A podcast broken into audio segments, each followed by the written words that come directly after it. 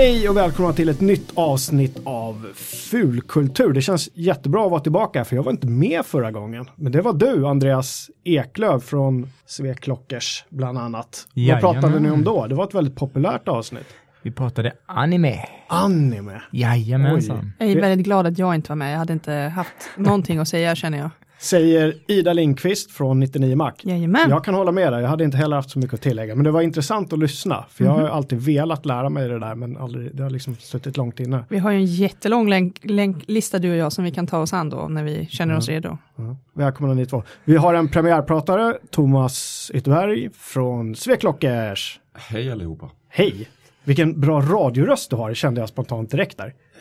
Jag har ett bra magstöd, Mm. övar ofta. Fast jag skriker mer på folk att de ska jobba hårdare. Mm. På Du, cykeln. du, förutom att vara vår uh, resident skärmexpert så är, tränar du väldigt mycket, eller hur? Så du lär dig det där med hållning och du vet, rak i ryggen och mage och sånt. Mm, och när man får äta chips och inte. När man fett shit. Här på Geeks Publishing när vi, har, när vi ska ha kostråd då går vi till Thomas. Då, då kommer han med. Och sen bidrar det ju bara med så här positiva vibbar när man kommer och ser vad han käkar till mellanmål och sånt. Man bara, ja, man ska inte dricka cola och käka, ja du vet, det är bra. Mm. Precis. Jag heter Joakim Minette, jag jobbar på FZ.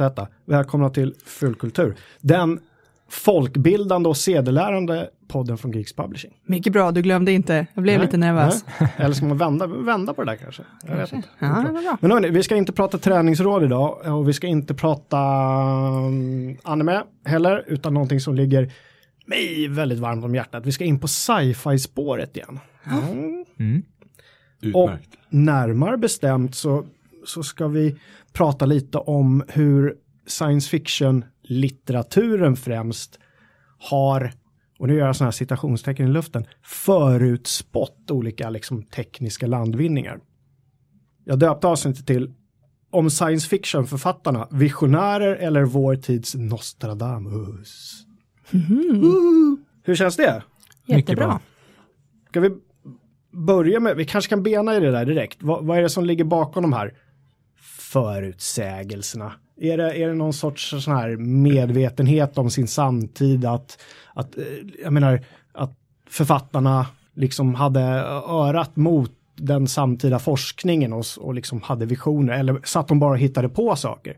Vad tror ni själva? Vad, vad ligger bakom alla de här förutsägelserna? Alltså jag tror man måste ju vara någon dagdrömmare av rang som vill så lösa bekymmer. Bara, jag kan inte göra det här just nu, men tänk om trappstegen rörde sig och jag kunde komma. Alltså så här, man måste ju ja, vara lite problemlösare helt enkelt. Tänk om det här gick att göra. Och så råkar de, man måste ju ha fantasi helt enkelt. Men samtidigt måste man också ha en känsla för vilken typ av framtid kan det finnas för att kunna hitta de här funktionerna som ska finnas i, i den här framtiden. Eh, så, så man måste ju ändå ha en viss förankring i det praktiska. Eh, Dagdrömmar finns det ju många av, men det, det är inte många av de visionerna som, eh, som är särskilt användbara i det praktiska livet. Framförallt inte i framtiden, det, som man inte känner till. Eh, så det måste ju vara en person med väldigt god intuition om det praktiska potentiella framtida livet. Säger Thomas. Ehm, lite samma sak där. Det, typexempel är internet. Att ehm, med internet så har det är ganska få som har förutspått internet och eh, hur det har slagit igenom och hur det används idag. Eh, man kan uh, förutspått enstaka detaljer i det hela eller drömt fram men just det stora genomslaget. Eh, det finns väl svårt, så, så, så vitt jag vet ingen som har gjort det. Ja. Jag undrade över det där inför det här programmet, just hur många, hur många det var som var bara drömmar och hur många som var liksom, forskningar. Jag läste en författare som alla säkert har läst, är Jules Verne i en eller annan tappning. Eh, och han lyckades ju med bedriften att förutspå, vi använder det ordet, det kanske är slarvigt, men vi säger det bara för enkelhetens skull. Både månlandningar och ah, ubåtars utformning lite grann. Eh, väldigt tidigt. Men just när det gäller månlandningar så känns det som att han, det var en liten dröm kanske. Att, jag vet inte om det fanns några samtida experiment som pågick direkt om att skjuta upp folk till månen. Jag menar, eh, Ja, men han förutspådde det här vid 18, liksom i slutet av 1800-talet, 1860-talet någon gång. Eh, och, och det är, det är ändå närmare, närmare 100 år till det faktiskt skulle ske. och han förutspådde väl ändå också att man skulle återvända till jorden i en slags modul Mm. som, som landade i, i havet. Jag kommer inte ihåg om det var så exakt i detaljgrad han förutspådde. Det, det är från jorden till månen som du... Ja, precis. till. precis. Eh, och det är ändå det är ändå mer än bara att tänka att vi ska ta oss till månen, utan det Ja. var ju lite de- detaljer runt omkring själva eh, resan också. Eh, så då, då, då måste han ändå ha haft en, en, en lite mer eh, genomgående vision än bara en, en dagdröm om att ja, vi ska åka från punkt A till punkt B. Mm. Ja, det var ju 1865 som han skrev den boken. Mm. Redan innan, eh, tre, två år tidigare så skrev han en, en annan bok eh, som jag inte kommer ihåg vad den hette nu.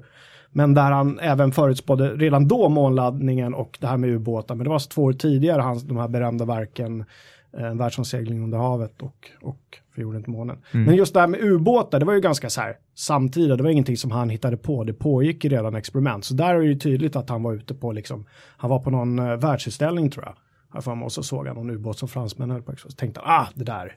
Och så snor han konceptet. Måste man inte som författare då säkert vara lite som säger, ja men som vi är i vårt jobb, ny, liksom genuint nyfiken på, på om man liksom kommer på någon idé så får man väl, som du säger, kanske gå på en sån där utställning eller prata med, att man liksom får forska lite i och ta reda på om, ja men skulle det där kunna gå eller, man får vara väldigt nyfiken så. Men det är intressant att, att eh, prata om hur tänkte de i mitten på 1800-talet? Tänkte de mest framåtskridande personligheten, mm, ja men någon dag så kommer vi nog faktiskt vara på månen? Eller var det bara liksom så här, ah, det, det kommer inte hända men det, det är jävligt ball att skriva om. Vad tror du Thomas? Tror du de gick och tänkte de vanorna? Ja, oh ja. Jag tror man dröm, har drömt om det alla år, alla tusen år, i- långt innan. Så att själva drömmen om någonting har nog alltid funnits där. Och sen att få ner det till någonting som faktiskt ger, låter vettigt även idag. Eh, det är väl det som är svåra, just det som jag tog upp innan med internet. Att eh, internet har ändå funnits rätt länge. Eh, och det har funnits författare som har beskrivit fenomen som kan sägas handla om internet idag. Eh, William Gibson till exempel. Eh, Men han var ju inte alls datorintresserad, han hade inte ens en dator när han skrev det. Utan han, första gången han träffade på en dator så var han ju lite besviken för den surrade och lät. Han trodde det var liksom en, en, en slags kristallklar koppling mot något större medvetande. För att han hade drömt om det. Det var ju Neuromancer, var det första gången han skrev om, om så att säga, något som liknade internet, cyber, cyberspace, var det det han kallade det för? Ja, cyberspace, eh, hela den här biten att eh, tanka ner medvetanden och eh, en slags virtuell värld. Det, det, är väldigt, det är väldigt framåtskridande, typiskt drömskt på så sätt att mycket av det som han skriver om inte finns ännu. Eh, men samtidigt så eh, det, det skedde ju inte särskilt långt inför att internet och hackare och hela det konceptet började dyka upp. Så visst, det var ju framåtskådande, men det var ju inte eh, så värst framåtskådande. Nej, och det är lite det som jag tror finns att en del författare är bra på att se att nu händer någonting med tekniken som finns i dagsläget. Och så kommer de på en vettigt så att säga science fiction framtidsanvändning för de tekniker som finns där. Um, de här rena rama uppdrömmandet från ingenstans som stämmer med dagens verklighet är nog ganska ovanliga utan man kan se den här prylen, det här fenomenet och sen så förspå något framtida som ska hända. Mm. Ett exempel som jag tog upp i tidigare avsnitt när vi pratade om uh, virtual reality, det var ju den här boken, eller boken var det väl inte, uh, novellen, Pygmalion Spectacles. Där en uh, kille som heter Stanley G. Weinbau redan 1935 på något sätt visualiserade någon form av VR-headset som ser ungefär ut som det gör idag. Förutom att där blandades det in kontrastvätskor och grejer eh, istället. Och han kunde se andra världar och liksom leva i det där på den vänster. Uh, ja, jag undrar om de gick och tänkte på VR då, 1935. Det är lite svårt att tro det. Men det var väl allt med foto och optik som var på ropet då som fick liksom inspirerade honom på något sätt då kanske. Hur kan man komma in i ett fotografi eller in i en film? Ja, det kanske var mer konceptet som lockade, att, att försvinna in i en annan värld, snarare än det tekniska som vi fokuserar på nu i, med virtuell verklighet. Eh, där, där var det snarare den här drömmen om att få uppleva en annan verklighet än den man faktiskt befinner sig i. Eh, någonting jag tycker är spännande, liksom det här konceptet med vad skulle naturligt ske utan de här förutspåelserna till exempel inom eh, vetenskapen. Eh, jag tror det var Aldous Huxley som förutspådde att eh, det här med DNA-manipulation att det är någonting mänskligheten skulle ägna sig åt. Och jag har för mig att det var 1932 han förutspådde det. Och jag tror att det, det, det dröjde väl 40 år till det eh, första DNA-manipulationen skedde. Mm. Eh, men det är också en sån sak som, hade han inte förutspått det så tror jag ändå vi hade kommit dit för att vetenskapen är vetenskapen och vi försöker hela tiden få fram nya botemedel och, och forska fram olika tekni eh, tekniska och biologiska framsteg. Eh, så, så jag tycker det är spännande att säga vil, vilka av de här förutspåelserna har faktiskt påverkat var vi har kommit som inte hade skett utan dem. Vilken bok var han skrev det? Minns du? Eh, Brave New World har jag för mig den heter. Sköna nya där. Ja, precis. Mm. Jag har för mig att det var den. Aldous Huxley. Mm. Thomas då, vad, du pra, innan det här programmet snackade du lite grann om, om uh, vad det hörlurar, hörsnäckor. Hörsnäckor ja, precis. Ehm, det är väl eh, Ray Bradbury som förutspådde användningen hos eh, det är framförallt Fahrenheit 451. Eh, den boken. ehm, men det är också lite det exemplet på att det var teknik som fanns. Um, har ju funnits långt innan det. Ehm, de var bara väldigt usla, så att man använde dem inte. Eh, utan han snarare hittade okej, det här är ju faktiskt någonting som ska användas. Vi sätter dem på våra, på våra på, ja, i alla fall på de, de onda i boken så att säga. Eh, han ju också lite grann där med eh, meningslösa dokusåpor. Just eh, det, som de tittade på i någon sorts 3D-tv-apparat eller vad Ja, det? de sitter liksom i, de har en VR, en immersive experience hemma med väggarna täckt så får de delta med såporna. Liksom. Just att han lyckas förespå att man har så fantastisk teknik och man använder till, till någonting så pass meningslöst som en såpa. Liksom. Ska bara uppfylla människors tid med liksom, så de verkar nöjda och glada och inte bråkar liksom. Ja, Ska vi skylla på honom då alltså? Det, För såpan. ja. När vi sitter där med våra glasögon och dreglar i fåtöljerna så är det Ray som He- Hela grunden i den boken är, är väl, eh, om jag inte minns fel, att så att säga, man bränner, det finns polis som, som bränner böcker och så att säga. Ja, att, brandmännens uppgift är att bränna böcker. Ja. Så att, eh, böcker är lite fri tanke. Att, Fahrenheit, vad sa du, 3, 5? 451 451. som är väl eh, typiskt eh, den temperatur när papper brinner. Mm. Spännande bok. Det här med hörsnäckor är också ett eh, koncept som eh, tas upp i Liftans guide till galaxen. Eh, Babelfiskarna. Eh, och det här Just det, koncept- som åker in i örat där. Precis. Jag har som, alltid velat ha en sån. Ja, varför finns inte det? Nej, Det- men, typ, Typ. börjar komma Ja. ditåt. Eh, och det, det jag tror det var 2014 som det här med att eh, automatiskt översätta röst till, till ett annat språk exempelvis eh, började bli mer allmänt tillgängligt. Eh, och eh, den här bok, den boken skrevs väl eh, 80 va? Tror det var 1980 han skrev Det den. måste varit där omkring i alla fall. Ja, så det är ju, det är ju över 30 år. Eh, som Men han, var det inte Alta Vista, den här gamla sökmotorn som använde just uttrycket Babel, Babelfish för deras Jo, tidiga jo, översättnings... de hade en sån eh, en översättningstjänst. Det var, det var roligt. Ja. Sån där nörddetalj man uppskattar. Men eh, det är väl Microsoft som håller på massor med det där, va? att man ska kunna direkt översätta, typ vi ska kunna prata varsitt språk med varandra och så direkt översätts det Ja. eh, i sådana här videokonferenssamtal till exempel. Det är ju jättehäftigt att det börjar, börjar att det liksom är på gång. mm, Ett sånt här uppenbart exempel är ju alla som har sett eh, filmen eller läst boken 2001. Ett rymdäventyr tror jag den heter på svenska. Space Odyssey på, på engelska. Det är ju att, att eh, Arthur C. Clarke förutspådde iPaden ganska korrekt. De, jag tror det heter Newspad i, i boken och i, i filmen. Där de sitter då liksom och nästan, jag vet inte om de swipar, det är oklart. Men de, eh, han beskriver det som att de plockar in eh, eh, dagstidningarna från hela världen och sitter och bläddrar mellan rubrikerna på de här plattorna då. Eh, Newspad, iPad. Det var rätt tidigt. Och det är inte först nu som det finns någon sorts nyhetsapp i iPad, nej jag bara skojar. Eh, det har ju vi har kunnat läsa nyheter dem länge. Men eh, det är ju med mycket sånt i, i Star Trek också, men, men Star Trek eh, har ju inte förutspått det på något sätt. Där känns det ju som en typisk grej där de verkligen har plockat upp grejer som, som är på gång på något sätt. Och, och ja, de har inte helt tr- trollat fram saker som inte fanns. För där kunde man ju se såna här blåtands-headset-grejer och iPads. De, men det är så dumt, för i Star Trek hade de inte en platta där de gjorde allt, utan det var, de fick hela tiden nya plattor. Så Captain Kirk till exempel, han helt plötsligt satt han med en hel jävla trave med plattor, så skulle han bara göra en sak per platta typ. Det var, det var, det var ju inte jättesmart. Men, eh, Istället för att ha papper så hade de liksom bunt Ja, med plattor. så det kom alltid fram någon, någon sån här, ja men låg, lågt stående människa med en hel hög och så fick, fick han en i taget och så gjorde han något och man bara, det där är inte jätteeffektivt men okej. Eh, så det var lite roligt. Det kan ju också vara lite grann 80-talet att då fanns liksom en platta för en funktion. Ja. Ja. Skulle man spela spel så var det Game Watch. Mm. Och det är ungefär som idag skulle komma fram med en, en, en iPad som bara spelar Angry Birds. Ja.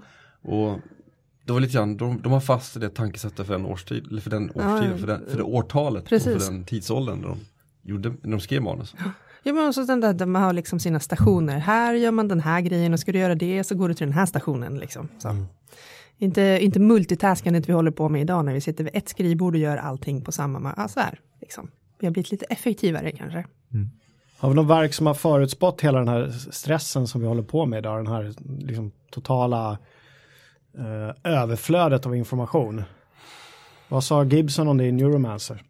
Tangerade han det eller vet du, minns du det? Nej, ehm, utan ehm, jag tror han är som alla andra författare att utgå från det här idealet som man har en sak i huvudet i taget. Ja, precis. Så att, ehm, nej, tyvärr. 1909 så skrev Ian Forrester en, en bok eller novell som jag inte har läst, men jag researchade lite. Den hette The Machine Stops och där beskrev han videosamtal. 1909, typ Skype. Jag har faktiskt tagit ut ett litet stycke. Han skrev så här. But it was fully 15 seconds before the round plate that she held in her hands began to glow.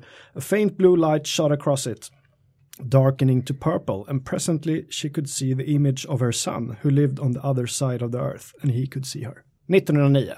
Coolt. Det är Superfränt. imponerande. Mm. Mm. Ja. Så den, eh, den, den tänker jag ta med mig och försöka hitta och läsa. Och den finns översatt. ja, det borde man ju, M. att den finns bevarad får man ju verkligen hoppas. Har ni några andra sådana här ehm, tips? Alltså jag har ett, ett barndomstips som egentligen kanske inte är rakt upp och ner sci-fi, men det är en, bok, en barnbok som min pappa läste för mig som heter Shitty Shitty Bang Bang, där det finns flygande bilar. Men där är ju, det är en uppfinnare som gör den här bilen, så det är ju inte liksom, eh, och den, ja, det, det skulle lika gärna kunna vara någon annan tid än i framtiden känns det som. Men, men bilar som flyger, det har jag alltid tänkt, shit, det här vore, det vill man ju ha. Speciellt när man fastnar i någon typ av bilkö, vilket ju är rätt vanligt i just Stockholmstrakten. Men det där lät inte som en bok som skrevs eh, 34 eller något sånt där, utan en relativt modern. eh, Nej, ja, den, är, den är gammal, eh, det är den. Men jag, jag måste kolla upp hur gammal den är, för det kommer jag inte ihåg. Men mitt ex är väldigt så här sönder, sönderbläddrat och supergammalt. Det syns att det är så här, eh, gamla handritade små teckningar och sånt. Men den här, det är bilen som heter Chitty Chitty Bang Bang, för den här uppfinnarens eh, barn får döpa den och den låter Chitty Chitty Bang Bang innan den liksom flyger iväg så här. Eh, men eh, ja, så den, den har den, jag fick den, läste den när jag var liten och så, det har bara fastnat så här. Men vi har ju inte riktigt flygande bilar än, men det kommer väl. Ska vi, men ska vi lämna det där här ett litet tag till? Jag, jag lovar att vi Mm. kommer in där, för det är ju grymt spännande att prata om vad kommer att komma och vad, Mm. vad vill vi komma men kommer inte komma. Har ni några mer eh, tips om saker som förutspåddes som faktiskt finns idag? Ja, jag, skulle, jag tycker att eh, boken Men Like Gods av H.G. Wells eh, är väldigt spännande på, på det sättet att det förutspår att vi skulle använda voicemail, röstbrevlådor, redan 1923. Oj. Vilket är, ja, det är närmare 60 år till det faktiskt började användas eh, på 80-talet. Eh, och H.G. Wells han förutspådde ju en hel del faktiskt. Eh, strids, stridsvagnen eh, som användes precis i slutet på första världskriget har jag för mig. Eh, förutspådde han... 1916 tror jag de Ja, de- Precis, och den förutspådde han i slutet på eh, 1800-talet om jag inte minns fel. Eh, han förutspådde även atombomben. Mm. Eh, tror det var en 30 år före det faktiskt användes. Eh, och eh, dörrar som öppnas med hjälp av någon form av rörelsesensor. Mhm. eh, förutspådde han också i en bok. Sånt som är helt naturligt för oss idag, att man Ja. går in i ett köpcentrum och dörren öppnas. Men bara för hur många år sedan då måste det varit jättekonstigt. Hur länge, långt tillbaka, när kom öppnande dörrar, självöppnande dörrar? Eh, jag har för mig att det var på 60-talet som Ja. det liksom började bli lite Det, hyggligt det vanligt. låter som en 60-talspryl uppfunnen i USA, ja. Spontant. Ja. Absolut. Köpcenter i USA. Ja. Ja. Det fanns i alla fall på Domus i Borlänge på 70-talet. Ja, vi ser. Ja, här har ni faktiskt människor som har levt på den här tiden. Bara, att, bara att vi har levt när Domus fortfarande fanns är ju ganska Ja. stort. Berätta mer Andreas. Eh, ja, nå- någonting som, är, som inte är så långt framåtblickande men ändå som är intressant är att eh, en kille som heter Raymond Kurtweil eh, skrev i boken The Age of Intelligent Machines 1990 att en människa skulle besegra, eh, eller förlåt, en, en dator skulle besegra människan i schack innan 2000-talet. Och eh, det visade sig stämma, för det är 1997 så eh, besegrade IBMs eh, eh, Big Blue, ja, nå, nå, någonting i den stilen. Ja, det hette den va? Big Blue. Tror jag för mig det. Eh, besegrade eh, schackmästaren Kasparov. Så han hade rätt i tid även, eh, inte bara själva förutsägelsen utan även tidsspannet. Ja, så han För, hade, för det är ju annars ganska ovanligt att, att eh, så att säga, litteraturen, det tar ofta mycket längre tid för saker och ting att hända än, än vad man trodde. Ja, och. Då, då hade han förmodligen uppskattat där liksom hur, hur datorerna skulle utvecklas och ansåg att ja, det måste ju vara så att innan 2000-talet så, så har vi blivit besegrade. Hur väl stämmer den här äh, välkända 1984-boken? det är ju jättelänge sedan, 1984 menar jag, så hur väl stämde den när det var 1984? Ja, det- Inte så väldigt mycket kanske. Det är oklart. Men, idag finns det väl läskiga exempel på att det stämmer. Krig i fred och sådana Precis, grejer. precis.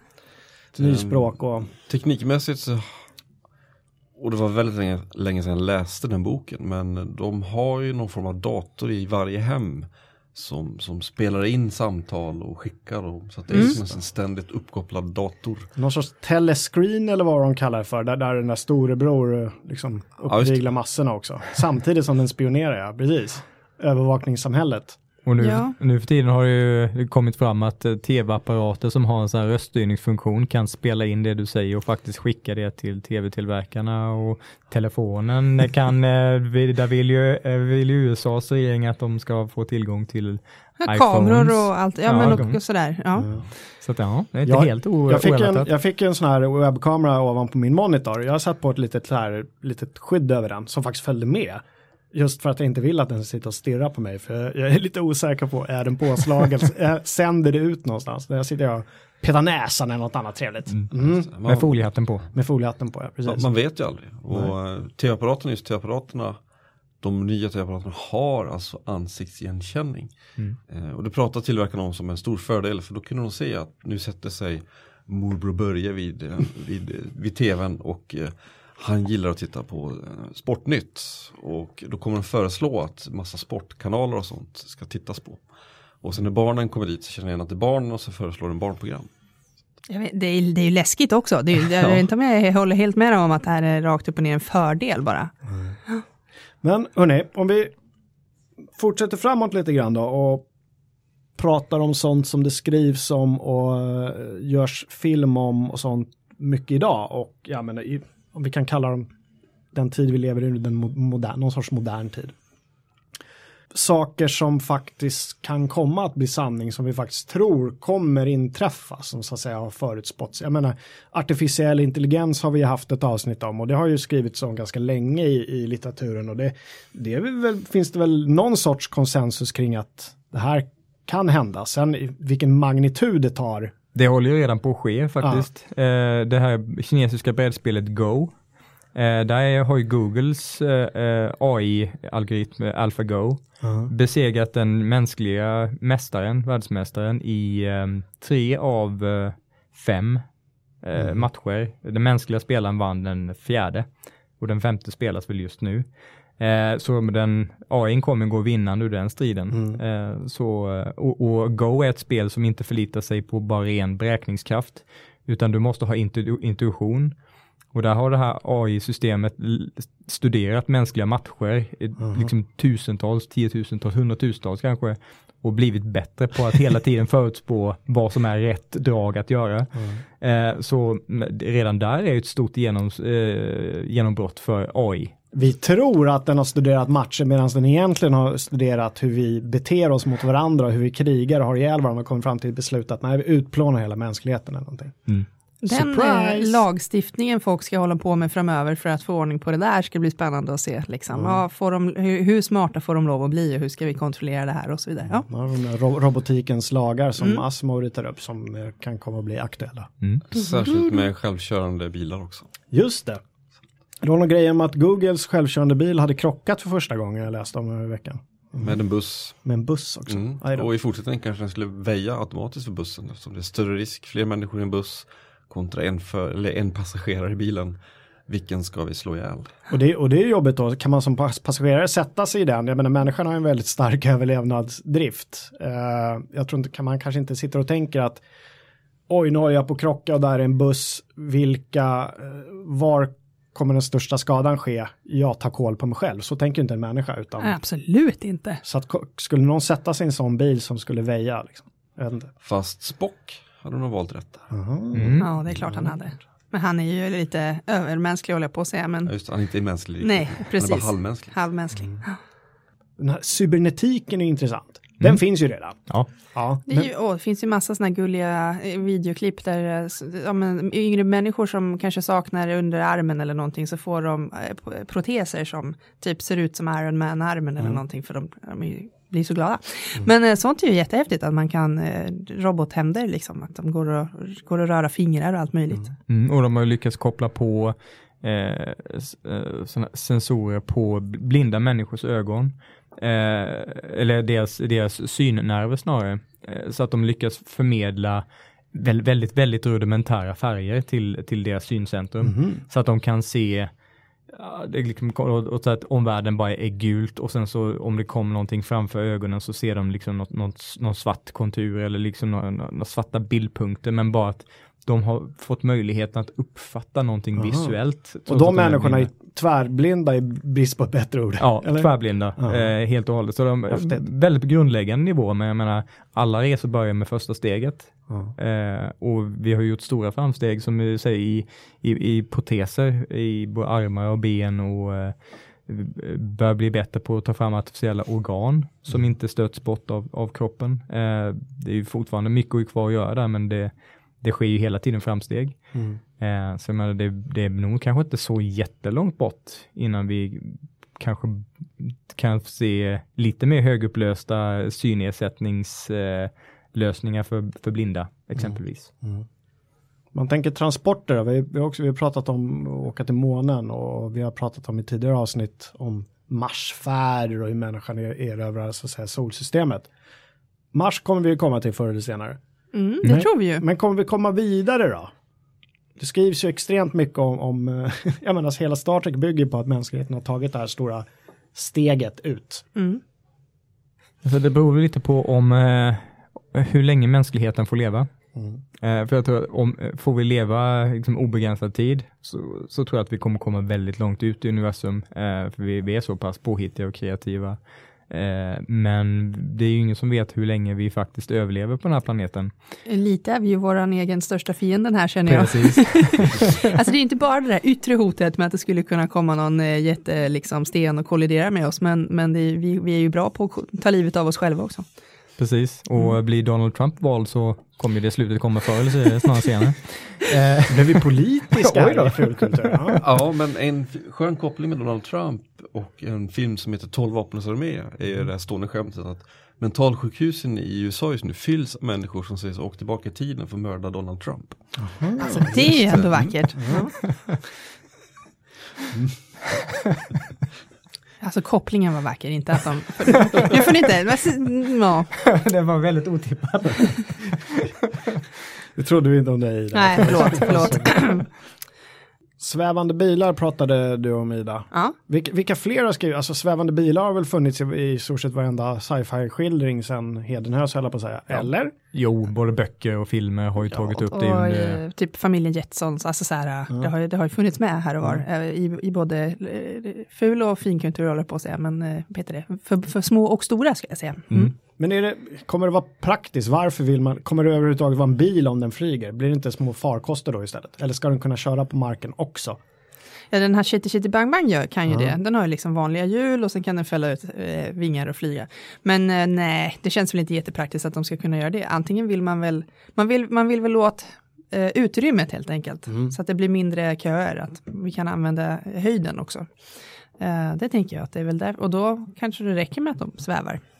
Jag tänker bara på det administrativa helvetet det måste vara om folk kan flyga runt i, i luftrummet och inte ha vägarna som rutar in dem och visar var de, var de faktiskt Så ska köra. varenda flygledare kommer bli utbränd på studs. vi kommer behöva fler. Men då känns det som att det kommer behövas något som Googles sys- system med, med Ja. själv, självkörande farkoster. Ja. För folk får inte styra runt hur de vill. Det kan man göra kanske ute på landsbygden då, freerida. Men Ja, och så typ är- automatiska, att, vad heter det, såna kollideringssystem Ja. måste bli väldigt viktigt, att man inte ens ska kunna kollidera med folk. Liksom. Mm. Nej, det går inte att köra dit för det är någon annan där. ja, precis. Så det blir Googles självsvävande ägg kanske. Ja. Som man kryper Ja. in i och så flyger Ja. runt åt den. Precis. Det, alltså hela den där grejen verkar ju mycket mer praktisk än eh, Futuramas, de här rören man kliver in i. För de, där måste man det måste mycket grejer man måste bygga för att det ska vara möjligt. Ja, det känns kanske inte aktuellt. Även om det är roligt att se när de bara försvinner iväg. Har vi mer för sådana här transportmedel? Teleportation? Ja, det är ju det jag drömmer om. Mm. Eh, Thomas här säger att jag får fortsätta drömma. Ja. Ja, jo, det, det, finns, det finns många hinder att överstiga där. Ehm, Typ fysik? Typ fysik, både själva när man på något sätt ska försvinna och sen återskapas. Mm. Så själva försvinnandet måste innebära att man någonstans förstör sin första kropp. Och sen ska man återskapa sin kropp igen på destinationen. Mm. Och eh, det finns faktiskt ett par, det finns en film eh, som jag inte vill avslöja för då kommer jag avslöja en stor, eh, det blir en spoiler från Oj. utav rang. Oj. Men det finns en film som handlar om eh, en magiker på 1800-talet eh, som lyckas med en sån här eh, grej, att teleportera sig. Och tills hon upptäcker att källaren är fylld av tankar med exakta kopior av honom som är döda då. Ja, nu när du lägger fram det så där låter det inte så himla lockande, men jag måste liksom dö för att sen återuppstå någonstans. Det verkar mycket mer brutalt än om jag bara, ja, Ja, Jag som är lite flygrädd känner jag att eh, teleportering vore ju ännu mer skrämmande så att säga. Vakna upp eh, i någon sorts flugan-liknande. Ja, när jag sett flugan, Ja, filmen, mm. herregud alltså. Den är, jag tycker fortfarande den är otäck. Just Oh, ja. hela den här grejen att, att de växer ihop. Det är en fluga som kommer in, för er som inte har sett den, som kommer in i en, en så här, teleportör. Tillsammans med den här forskaren då. Och så, så liksom växer de ihop och han blir någon sorts flugvarelse. Jeff, Jeff Goldblum. Jeff från, Goldblum. Eh, från, eh, från mysig forskare till Fast det är väl inte originalet va? Originalet är nog en, en science fiction novell. Ja men gjorde de inte en, en film tidigare än Jeff Ja, en Goldblum? svartvit. Ja precis. Mm. Okej, Mm. så Han har varit han, med. han var inte först där. Nej, Ja. nej. Det får vi, vi får skriva, vi får ta reda på vad den filmen heter och eventuellt en bok då och så skriver vi det i våra tips som vi ju alltid så att säga länkar till i samband med de här sändningarna. Så var ens ni hittar podden eller nätsändningen så ska det också finnas en, en ganska liksom, rejäl länksamling så att ni själva kan klicka er vidare. Det det vi pratar om. Jag hörde rykten om att uh, förra avsnittet var den längsta länksamlingen hittills, det stämmer? Det kan Andra nog stämma. Vi hade många länkar att dela med oss. Får inte tala om hur många fler länkar det ramlade in sen på, på ja, ställen. Bland annat Sveklockers var det ju väldigt många som var inne och tipsade och hade egna idéer om vart, nej det där är inte bra, ni börjar tips, ni ska börja här och så vidare. Så det blev ju ännu fler Så sen. blev vi påminda om saker vi hade glömt upp och ta Ja. upp. Så det var ja, jättebra. Hörrni, vad finns det mer då som, som vi inte tror? Thomas, du, du tror inte att teleportering, det, är liksom, det kommer inte hända? Det kan ju hända. Man ska också lösa destinationer också. Att man plötsligt ska förflytta sig 80 kilo atomer. ska flyttas till en viss plats. Och vad händer om man bara trycker dit 80 kilo atomer på ett kort ögonblick? Eh, Allt, teorierna går ju allt från att det uppstår spontan fusion till att bara själva att förflytta luft så snabbt för att få plats med en människa skulle innebära en ganska kraftig explosion som, som gör alla inom en kilometers radie döva eller liknande. Men är det någon skillnad på de liksom, drömmar och visioner som finns idag och de som fanns före den här, de här stora tekniska landvinningarna i, i sannolikhet? Var det inte minst lika sannolikhet i, bör, liksom slutet på 1800-talet att vi skulle åka till månen eller Mars som det är idag att, att liksom, överbrygga ljusets hastighet. Alltså på något sätt tror jag att eh, med tanke på vilka fantastiska framsteg vi gör hela tiden så har det nog varit den här eh, känslan av att vi kommer lyckas förr eller senare. Och då hade de den bilden av att det skulle vara så med teleportering också. Men där har verkligheten lite mer eh, kommit ikapp mm. med, med, med, med rymdfärderna. Där visar sig att ja, men med, med forskning och arbete och pengar och tid och resurser så kommer vi dit. Fast det handlar ju fortfarande bara om verkligheten som vi känner den. Mm. Är du med på vad jag menar då?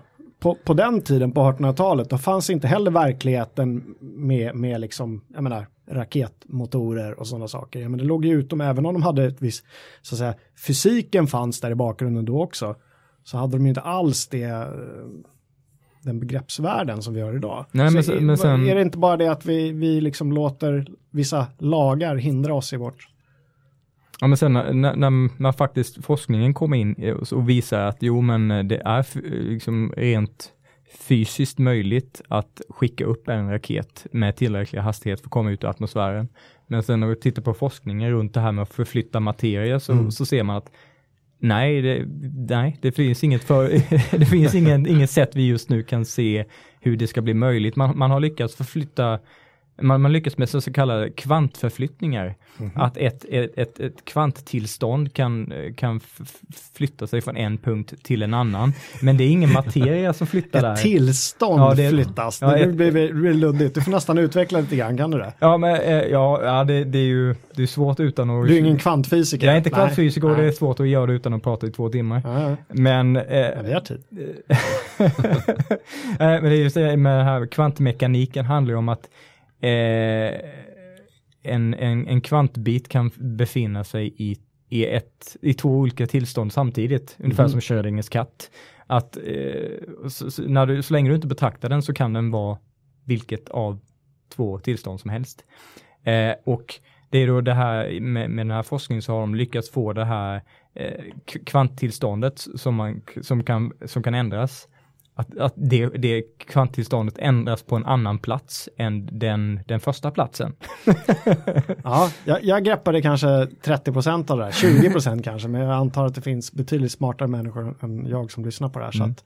Men å andra sidan, så, som Thomas är inne på, det är väldigt, väldigt, väldigt komplicerat och vi ser ju ingen lösning på att förflytta materia på det sättet att vi måste bryta ner kroppen och flytta alla, alla atomer som finns där. Men om man lyckas lösa det här med att eh, förflytta eh, tid och rum. Eh, att, att böja tidsrummet så att du flyttar dig från en, från en plats till en annan. Mm. På det sättet, du, inte, du förflyttar inte materia utan du förflyttar dig i tiden och rummet.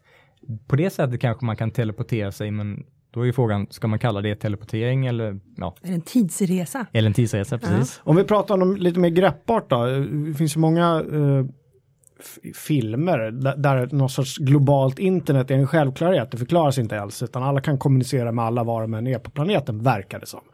Det känns som någonting som kan vara görbart, eller? The ja. Global internet. Alltså, en, eh, alltså planeten är ju ganska liten. Mm. Och eh, rund. Och rund ja. Hopp, tror vi alla va? Ja. Inte platt. Vissa påstår att den inte är det. Men... Mm.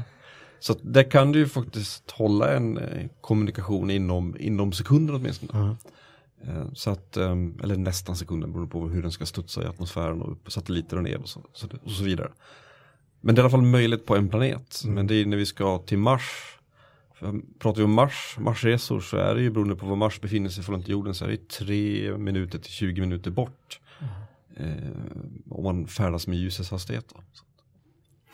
Men också å andra sidan när man skulle kommunicera från månen till jorden på 60-talet så tog det betydligt längre tid eh, och man kunde skicka betydligt mindre data än vad det tog nu när vi skulle skicka information från, eh, från Pluto med, med en sån till jorden och man hade betydligt bättre bandbredd och eh, så man kunde skicka bilder och det ena med det tredje. Mm.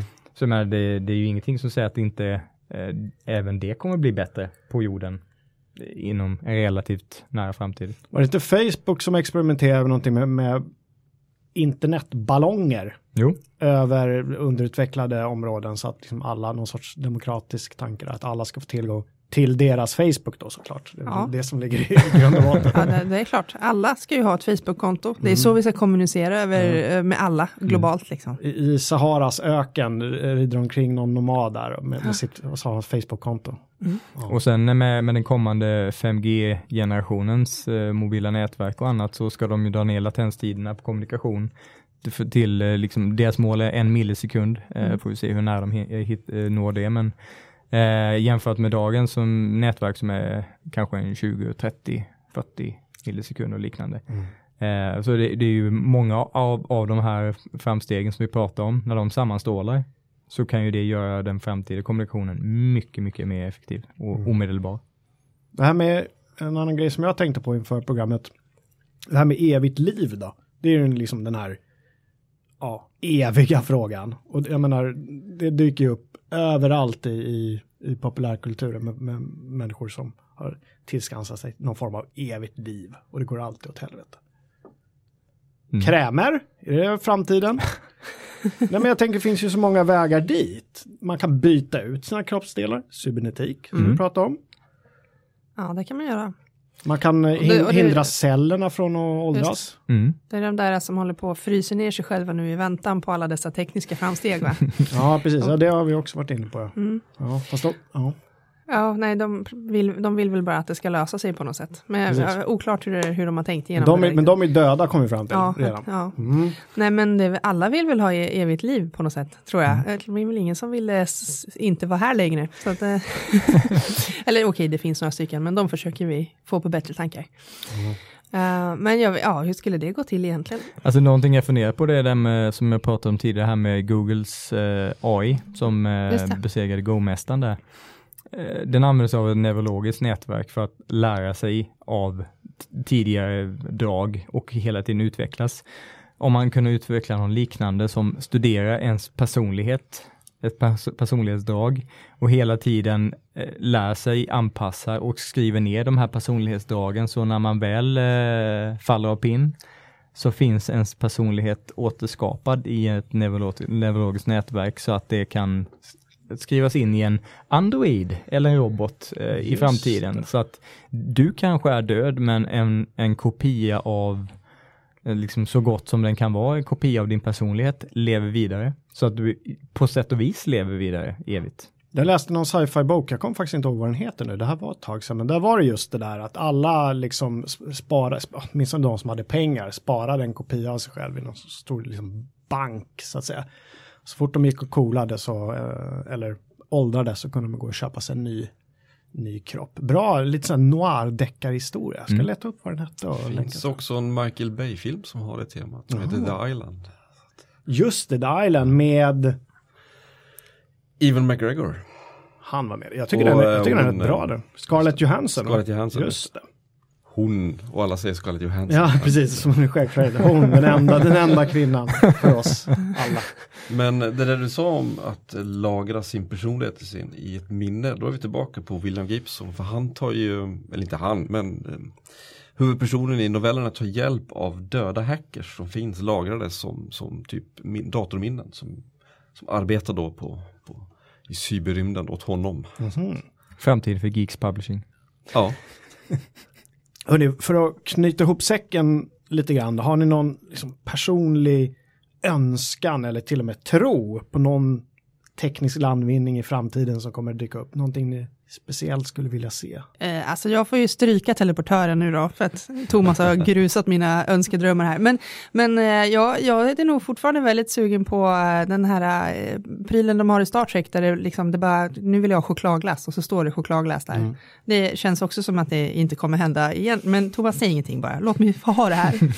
det, det skulle jag vilja. Så man slipper det här jobbiga projektet med att gå hem, bestämma vad man ska äta, och så bara, nej, man bara, Någon sorts re- replicator? Ja, eller? ja, men repli- ja, precis, precis. Ja. Eller Det någon- Mr Coffee från eh, Spaceballs.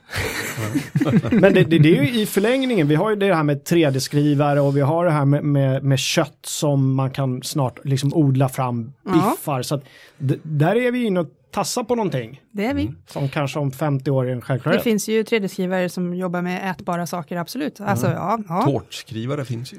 Tårtskrivare. Ja. Ja. Har en pannkaksskrivare också. Ja. Hela, hela hipsterrörelsen kommer ju rasa mot dig nu Ida. De som vill liksom göra, jag ska göra min egen ost här på taket på Södermalm. Och liksom försvåra Ja. livet istället. Ja, det- men, det är men, okej. tänk om, det, om jag önskar mig ost och så är det deras ost som, som liksom bara dyker upp hemma hos mig. Puff. Det är en, ja, då är vi inne på teleportering där. Det, det går inte. Det har Thomas sagt att det går faktiskt Ah, okej. Det, det går att knyta ihop den här matskaparen och teleporteringen. För att du kan ju ha liksom eh, laddat med 80 kilo mänskliga molekyler. Och Just sen så bygger du upp en ny människa på, på nolltid. Ja, just det. Och sen så får man lösa något sätt hur den här gamla kroppen då ska... Ja, precis. Och Ja. hipsters kan ju skicka sin, eh, sin ritning, sin blueprint till din skrivare så skriver du bara ut deras. Precis, Mm. ja, men det måste ju nästan funka lite så ganska snart ändå, eftersom 3D-skrivare ändå börjar bli väldigt vanliga. Ja, Mm. Men, men det var bra Ida, för det är lite, lite verklighetsförankrat också. Det gillar vi. ja, det var bättre än jag först trodde nu. nu. Tack, tack. Det känns eh, förstärkt. Andreas då, vad, vad hoppas du på? Vad skulle du vilja säga? Eh, Det är någonting som jag hoppas på och jag, jag är ganska övertygad om att det kommer ske. Eh, inte, kanske inte så mycket förut, eh, framtidsspående direkt, men eh, eh, det här med att eh, virtuell verklighet, som jag tror kommer slå, kopplas ihop med alla möjliga delar av vår vardag.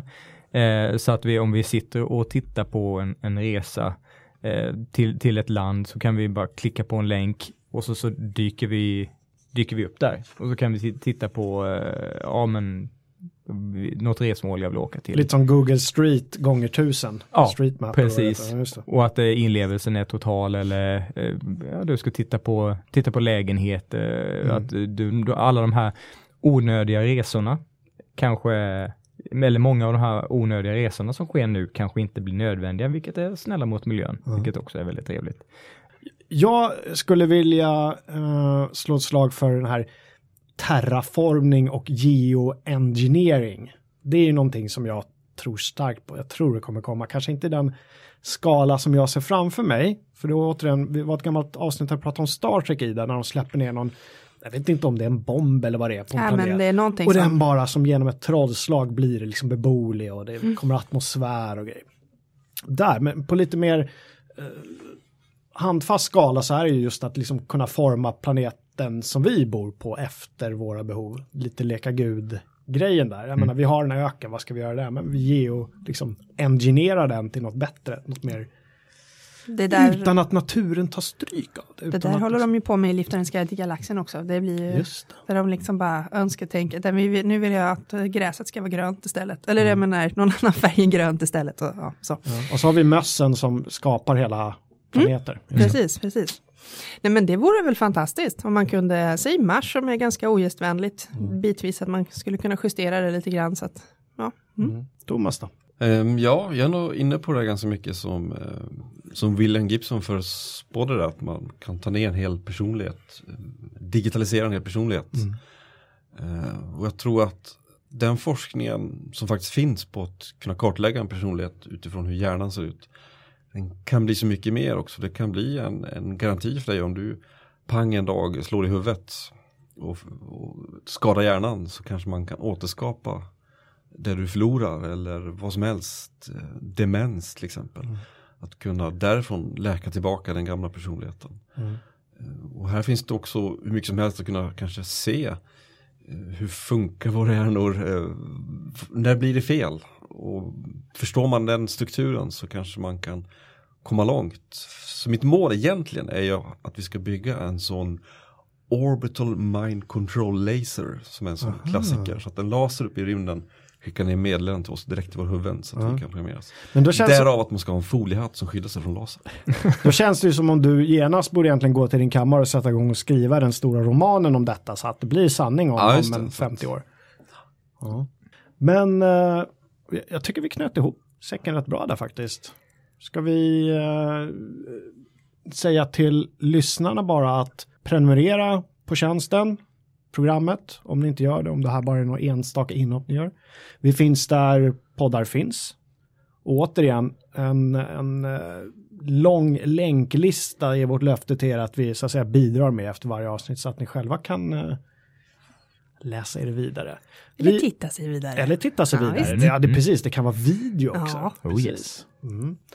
Eh, vi kommer ut varannan vecka, är planen. Mm. Att vi fortsätter med det. Så att eh, jag skulle vilja säga tack till er och vi ses igen om två veckor och hörs på återhörande.